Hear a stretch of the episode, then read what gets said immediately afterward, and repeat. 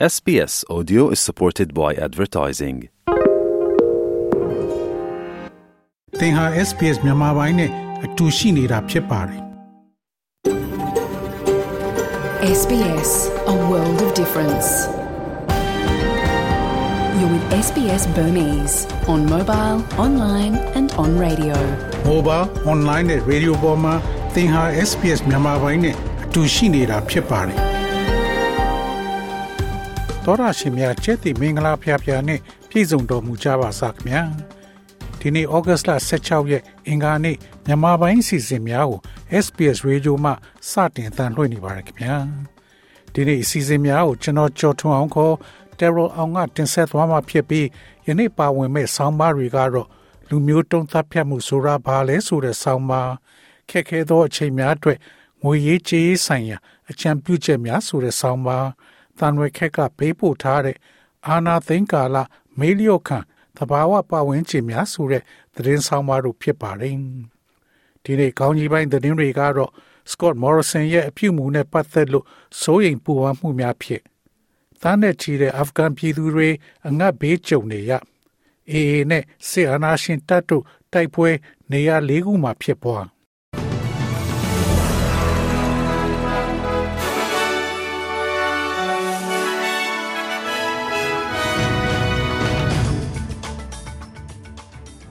ယခုချိန်ကစပြီးသတင်းများကိုကျွန်တော်ကြော်ထုတ်အောင်ကစတင်ဖတ်ကြားပါတော့မယ်။ Scott Morrison ရဲ့အပြုအမူနဲ့ပတ်သက်၍စိုးရိမ်ပူပန်မှုများဖြစ်ဝင်ကြီးချုပ်ဟောင်း Scott Morrison သည်သူခေါင်းဆောင်နေစဉ်တွင်ဝင်ကြီးရာထူးအသီးသီးတွင်သူဝက်စွာသူကိုယ်သူခန့်အပ်ထားသည့်အစီရင်ခံစာများနှင့်ပတ်သက်၍နောက်ထပ်မေးခွန်းများရင်ဆိုင်နေရပါသည်။ Anthony Albanese သည် Mr. Morrison လက်ထက်တွင်ဖွဲ့စည်းပုံအခြေခံဥပဒေကို အစောပိုင်းရှင်းလင်းချက်တွေနဲ့ပတ်သက်လို့ဥပဒေအကြံဉာဏ်ကို တောင်းဆိုထားပါတယ်။ဝန်ကြီးချုပ်အန်သိုနီအဘလနီစီက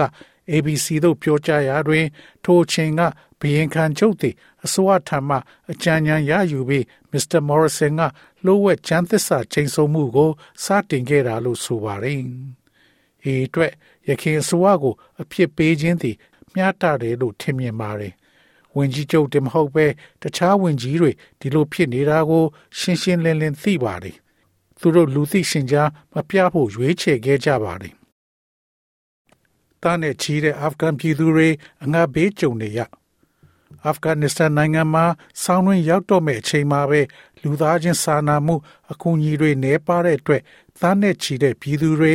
အစာရေစာပြတ်လတ်မှုဘေးနဲ့ရင်ဆိုင်ရတော့မယ်လို့အာဖဂန်ဆိုင်ရာ ထိတ်တန့်ကုလသမဂ္ဂအရာရှိတယောက်ကပြောဆိုပါတယ်။အခြေအနေတွေအတော့ကိုဆိုးဝါးနိုင်တယ်လို့အာဖဂန်ဆိုင်ရာကုလသမဂ္ဂကုညီကေဇေးဌာနေကိုယ်စားရာမစ်အကာဘရော့ဖ်ကမြို့တော်ကာဘူးတွင်ဗီဒီယိုမှတဆင့်သတင်းထောက်တွေကိုပြောဆိုသွားပါတယ်။လူဦးရေ16သန်းလောက်စားနပ်ရိက္ခာမလုံလောက်တဲ့အခြေအနေနဲ့ရင်ဆိုင်နေရပြီး သူတို့ထဲကလူဦးရေ6.6သန်းကတော့စားနပ်ရိက္ခာအရေးပေါ်လိုအပ်နေကြပြီးငတ်မှုခေါင်းပါမှုဘေးနဲ့ကြုံရဖို့ခြေလန်းတလှမ်းလောက်သာလိုတော့တယ်လို့သူကပြောဆိုပါတယ်။လူဦးရေတန်း40ပတ်ဝန်းကျင်ရှိတဲ့အာဖဂန်မှာဆင်းရဲနွမ်းပါတဲ့သူ35သန်းရှိပြီးဆင်းရဲမွဲတေမှုတွေလည်းတိုးလာနေပါတယ်။အခြေခံစားသုံးကုန်ဈေးနှုန်းတွေလည်း30ရာခိုင်နှုန်းလောက်တက်လာပါတယ်။စီးပွားရေးကျဆင်းလာတဲ့အတွက် တိုင်းပြည်အတွင်းအခြေအနေအရရ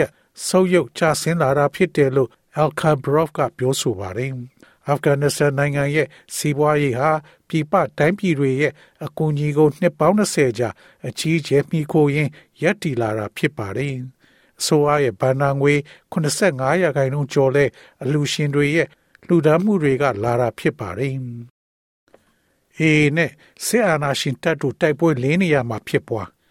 ပထမဆုံးတိုက်ပွဲကတော့ရသေ့တောင်မြို့နယ်ဒွန်ပိုက်ကျေးရွာရဲ့မြောက်ဖက်1.5ကီလိုမီတာအကွာ၌ဖြစ်ပွားခဲ့ပြီးနနက်9:35မိနစ်မှ9:30မိနစ်30အထိ2နာရီနီးပါးခန့်ကြာမြင့်ခဲ့ကပြင်းထန်သောတိုက်ပွဲတစ်ခုဖြစ်တယ်လို့အေအေကပြောဆိုပါတယ်။ရင်းတိုက်ပွဲတွင်စစ်ကောင်စီဘက်မှသေဆုံးသူ32ဦးရှိခဲ့ပြီးအေအေဘက်မှလည်းအသက်ပေးဆက်ဆွန့်လွတ်ခဲ့ရသော တပ်ဖွဲ့ဝင်အနေငယ်နဲ့ဒဏ်ရာရသူတချို့ရှိခဲ့တယ်လို့အေအေကထုတ်ပြန်ပါတယ်။ဒုတိယတိုက်ပွဲမှာမောင်တော်မြို့နယ်ကြောက်ပန်းတူချေးရွာရဲ့မြောက်ဘက်1.2ကီလိုမီတာအကွာဝေးတွင်ဖြစ်ပွားခဲ့ပြီးနေ့လယ်12နာရီမှစတင်တိုက်ပွဲဖြစ်ပြီးတနအီခွဲကြာမြင့်ခဲ့ပါတယ်။တာရီယာတိုက်ပွဲမှာရခိုင်ဘင်္ဂလားနယ်စပ်မိုင်းတိုင်းအမှတ်40 အနောက်တောင်ဘက်1ကီလိုမီတာအကွာဝေးတွင်ဖြစ်ပွားခဲ့ပြီးနာနဲ့7နာရီခွဲမှညနေ9နာရီထိရင်ဆိုင်ကြာမြင့်ခဲ့ကြောင်းစစ်ကောင်စီဘက်မှလက်နက်ကြီးပစ်ခတ်မှုမှာည8နာရီထိရှိခဲ့ကြောင်းအေအေကပြောဆိုပါတယ်။စတုထအချိန်ဖြစ်ပွားတဲ့တိုက်ပွဲတွင်ပလဲဝမြို့နယ်တထေကုန်းကျေးရွာမြောက်ဘက်1.2ကီလိုမီတာအကွာဝေး၌လည်းနှစ်ဖက်အပြန်အလှန်ထိတွေ့တိုက်ခိုက်ခဲ့ပြီးစစ်ကောင်စီတပ်ဘက်က လက်နက်ကြီးဖြင့်ပစ်ခတ်ခဲ့ပြီးမြေပြင်တွင်တက်မလာသဖြင့်တိုက်ပွဲကြီးမားခြင်းမရှိကြောင်းရင်းတိုက်ပွဲအတွင်းရန်သူဘက်မှအထိခိုက်အကြဆုံးကိုမသိရှိရကြောင်းအေအေကထုတ်ပြန်ပါတယ်။ဒါအားကုန်ကြစိတ်များမြင့်တက်လာခြင်းအစီရင်ခံစာအသစ်တစ်ခုအရဓာအားခများမြင့်တက်လာခြင်းနှင့်အပူဒဏ်မသက်သာခြင်းတို့ကြောင့်ဆောင်းရာသီတွင်ရက်ဆက်ချမ်းကြုတ်သောအခြေအနေများအဖြစ် ငှားရနေထိုင်သူအများပြားကိုကြုံတွေ့နေရတယ်လို့ဆိုပါတယ်။ Better Rental Advocacy Group မှထုတ်သောအစီရင်ခံစာတွင် အပူချိန်နှင့်ဆိုထိုင်းစားကိုခြေရာခံပြီးဘေးကင်းသောအပူချိန်အောက်တွင် ပုံမှန်အားဖြင့်အငှားအိမ်80ကိုဖော်ထုတ်ခဲ့ပါတယ်။အိမ်ငှားများကို အကာအကွယ်ပေးရန်အတွက်အငှားအိမ်ယာများအတွက်နိုင်ဆုံးစွမ်းအင်ထိရောက်မှုစံနှုန်းများကို မိတ်ဆက်ရန်ဩစတြေးလျဆိုအားတောင်းဆိုထားပါတယ်။ ငွေကုန်ကြေးကျများပြီးထိရောက်မှုမရှိသော အပူပေးစနစ်များကြောင့်ငှားရမ်းသူများသည်မကြာခဏဖျားနာကြပြီးဓာတ်အားခများတိုးလာခြင်းနှင့်ရင်ဆိုင်နေရကြောင်းအစီရင်ခံစာရဲ့စာရေးဆရာများကပြောဆိုပါတယ်။ဩစတြေးလျတဝန်တွင်စစ်တမ်းကောက်ယူခဲ့သည့်အိမ်များရဲ့၄ပုံ၃ပုံတွင်အိမ်တွင်အပူချိန်သည်ကျန်းမာရေးနှင့်ညီညွတ်သောအဆင့်အောက်တွင် ရှိနေတာကို တွေ့ရှိရတယ်လို့ပြောဆိုပါတယ်။အစီရင်ခံစာအရ သာမန်အိမ်များတွင် အေးမိခြင်းများသည်သွေးတိုးခြင်းကိုခံအားကျဆင်းခြင်းပုံမပြင်းထန်သောပန်းနာရင်ကျက်ယောဂနှင့်စိတ်ယောဂဖြစ်ပွားမှု ပုံမများခြင်းတို့နှင့်ဆက်ဆက်နေတယ်လို့ပြောဆိုပါတယ်။ Scott Morrison ကိုလွှတ်တော်ကနေနှုတ်ထွက်ဖို့တိုက်တွန်း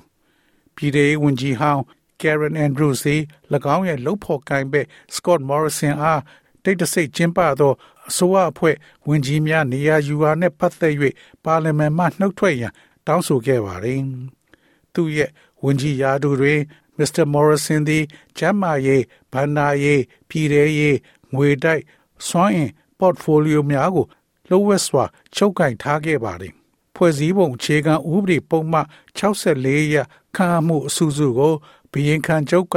ပုံမှန်ဝင်ကြီးခန့်အပ်မှုများပြုလုပ်ပုံနဲ့အညီကျင်းပခဲ့ပါတယ်။ညွန်ပေါင်းအစိုးရကက်ဘိနက်မှဝန်ကြီးဟောင်းတချို့က Miss Andrew အပါအဝင်ခန့်အပ်မှုများကိုတတိမပြုမိကြောင်းပြောဆိုပါတယ်။အဆိုပါထုတ်ပေါ်မှုများသည်အစိုးရရဲ့ဂုဏ်သိက္ခာကိုထိခိုက်စေတယ်လို့ Miss Andrew ကပြောကြားခဲ့ပါတယ်။ဒေါအောင်ဆန်းစုကြည်ထောင်ဒဏ်ချမှတ်မှု EU ကရှုတ်ချ မြန်မာစစ်အာဏာရှင်တရားရုံးကနေဒေါအောင်ဆန်းစုကြည်ကိုအာဂတိလိုက်စားမှုနဲ့ထောင်ဒဏ်6နှစ်စီရင်ချက်ချမှတ်တာဟာတရားမျှတမှုမရှိတဲ့အတွက်ရှုတ်ချလိုက်ကြောင်းနဲ့သူ့ကိုချွင်းချက်မရှိချက်ချင်းလွှတ်ပေးဖို့ဥရောပသမဂ္ဂ EU ရဲ့နိုင်ငံတကာမူဝါဒရေးရာအကြီးအကဲဂျိုးဆက်ဘော်ရယ်ကတင်းနှနာနေ့ကတောင်းဆိုလိုက်ပါတယ်။ဒါအပြင် မြန်မာစစ်ကောင်စီအနေနဲ့နိုင်ငံရေးအကျဉ်းသားအားလုံးကိုလွတ်ပေးဖို့နဲ့ပြည်သူလူထုစန္ဒကို လေးစားလိုက်နာဖို့တိုက်တွန်းကြောင်း Twitter မှာရေးသားတောင်းဆိုလိုက်ပါတယ်။အလားတူလူအခွင့်အရေးစောင့်ကြည့်ရေးအဖွဲ့ HRW ကလည်းမြန်မာစစ်ကောင်စီကဒေါအောင်ဆန်းစုကြည်ပေါ်မှာတရားမျှတမှုမရှိတဲ့တရားစီရင်ရေးနဲ့ထောင်ဒဏ်6နှစ်ချမှတ်လိုက်ကြောင်းကြေညာချက်ထုတ်ပြန်ထားပါတယ်။အဲဒီအတွက် ကုလသမဂ္ဂအရှေ့တောင်အာရှနိုင်ငံများအသင်း ASEAN ဥရောပသမဂ္ဂ EU အမေရိကန်နဲ့တခြားသက်ဆိုင်ရာအစိုးရတွေကဒေါအောင်ဆန်းစုကြည်နဲ့နိုင်ငံရေးအကျဉ်းသားအလုံးကိုလွတ်မြောက်ရေးအတွက်စစ်ကောင်စီကိုဖိအားပေးဖို့လဲတောင်းဆိုထားပါတယ်။ဟောင်ကောင်ကိုဆွန့်ခွာသူတစ်နှစ်အတွင်းတသိန်းခွဲခန့်ရှိဟောင်ကောင်မှာပြီးခဲ့တဲ့12လအတွင်းလူဦးရေကျဆင်းလာတာကို ဒေတာအချက်လက်တွေမှာတွေ့ရှိရပါတယ်။ကမ္ဘာအာရှမြို့တော်လို့သူ့ကိုယ်သူတင်စားခေါ်ဝေါ်နေတဲ့ဟောင်ကောင်ရဲ့ပုံရိပ်ကလည်းလက်တလောနိုင်ငံရေးမတည်ငြိမ်မှုတွေကြောင့်ရောတင်းကျပ်တဲ့ကပ်ရောဂါကန့်သတ်ချက်တွေကြောင့်ပါကြာဆင်းလာခဲ့ပါတယ်။လွန်ခဲ့တဲ့၃နှစ်ကဟောင်ကောင်အစိုးရပေါ်စန့်ကျင်ဆန္ဒပြပွဲတွေပေါ်ပေါက်ခဲ့ပြီးနောက်တရုတ်အစိုးရပိုင်နေမည်ဖြစ်တဲ့ဟောင်ကောင်ကနေပြောင်းရွှေ့ထွက်ခွာသွားသူတွေလည်းတိုးလာပါတယ်။ မနစ်ကတည်းဟောင်ကောင်ကနေပြောင်းရွှေ့သွားသူတသိန်းတသောင်း၄ထောင်ကျော်ရှိခဲ့တဲ့အတွက်လူဦးရေ1.6ရာခိုင်နှုန်းထိစံချိန်တင်ကျဆင်းသွားတာဖြစ်သလိုနှစ်ပေါင်း60ကျော်အတွင်းအများဆုံးကျဆင်းသွားတဲ့အရေးအတွက်လည်းဖြစ်ပါတယ်။2020ခုနှစ်တုန်းကဟောင်ကောင်ကနေပြည်ပကိုပြောင်းရွှေ့သွားသူ2900ရှိခဲ့ပြီး2021ခုနှစ်မှာတော့8900ထိရောက်လာပါတယ်။ ဟောင်ကောင်တန်းကောင်စရင်ဌာနရဲ့ဒေတာအချက်လက်တွေအရ9.41သန်းရှိတဲ့ဟောင်ကောင်လူဦးရေဟာအခုတော့9.29သန်းအထိကျဆင်းလာတယ်လို့ဆိုပါတယ် SBS SBS SBS SBS SBS This is SBS Radio.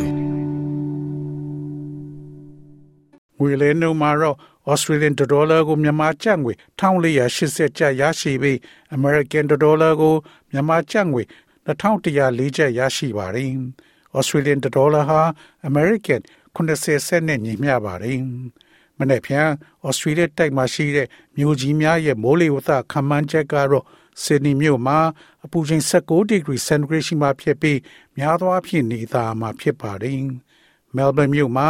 အပူချိန်16 degree centigrade ရှိမှဖြစ်ပြီးညနေပိုင်းမှာမိုးတစ်ဖြောင်းတစ်ဖြောင်းရွာသွန်းနိုင်ပါတယ်။ Brisbane မြို့မှာအပူချိန်22 degree centigrade ရှိမှဖြစ်ပြီးများသောအားဖြင့်နေသားမှာဖြစ်ပါတယ်။ Perth မြို့မှာအပူချိန်16 degree centigrade ရှိမှဖြစ်ပြီးမိုးရွာသွန်းမှာဖြစ်ပါတယ်။ Adelaide မြို့မှာအပူချိန်16 degree centigrade ရှိမှဖြစ်ပြီးညနေပိုင်းမိုးရွာသွန်းနိုင်ပါတယ်။ Hobart မြို့မှာအပူချိန်15 degree centigrade ရှိမှဖြစ်ပြီးညနေပိုင်းမှာမိုးတစ်ဖြောင်းတစ်ဖြောင်းရွာသွန်းနိုင်ပါတယ်။ Canberra မြို့မှာ အပူချိန်16 degree centigrade ရှိမှဖြစ်ပြီးများသောအားဖြင့်နေသားမှာဖြစ်ပါတယ်။ဒါဝင်မြို့မှာအပူချိန်33 degree centigrade ရှိမှဖြစ်ပြီးနေသားမှာဖြစ်ပါတယ်။ဤတွင်သတင်းများကိုကြီးညာလို့ပြီးပါပြီခင်ဗျာ။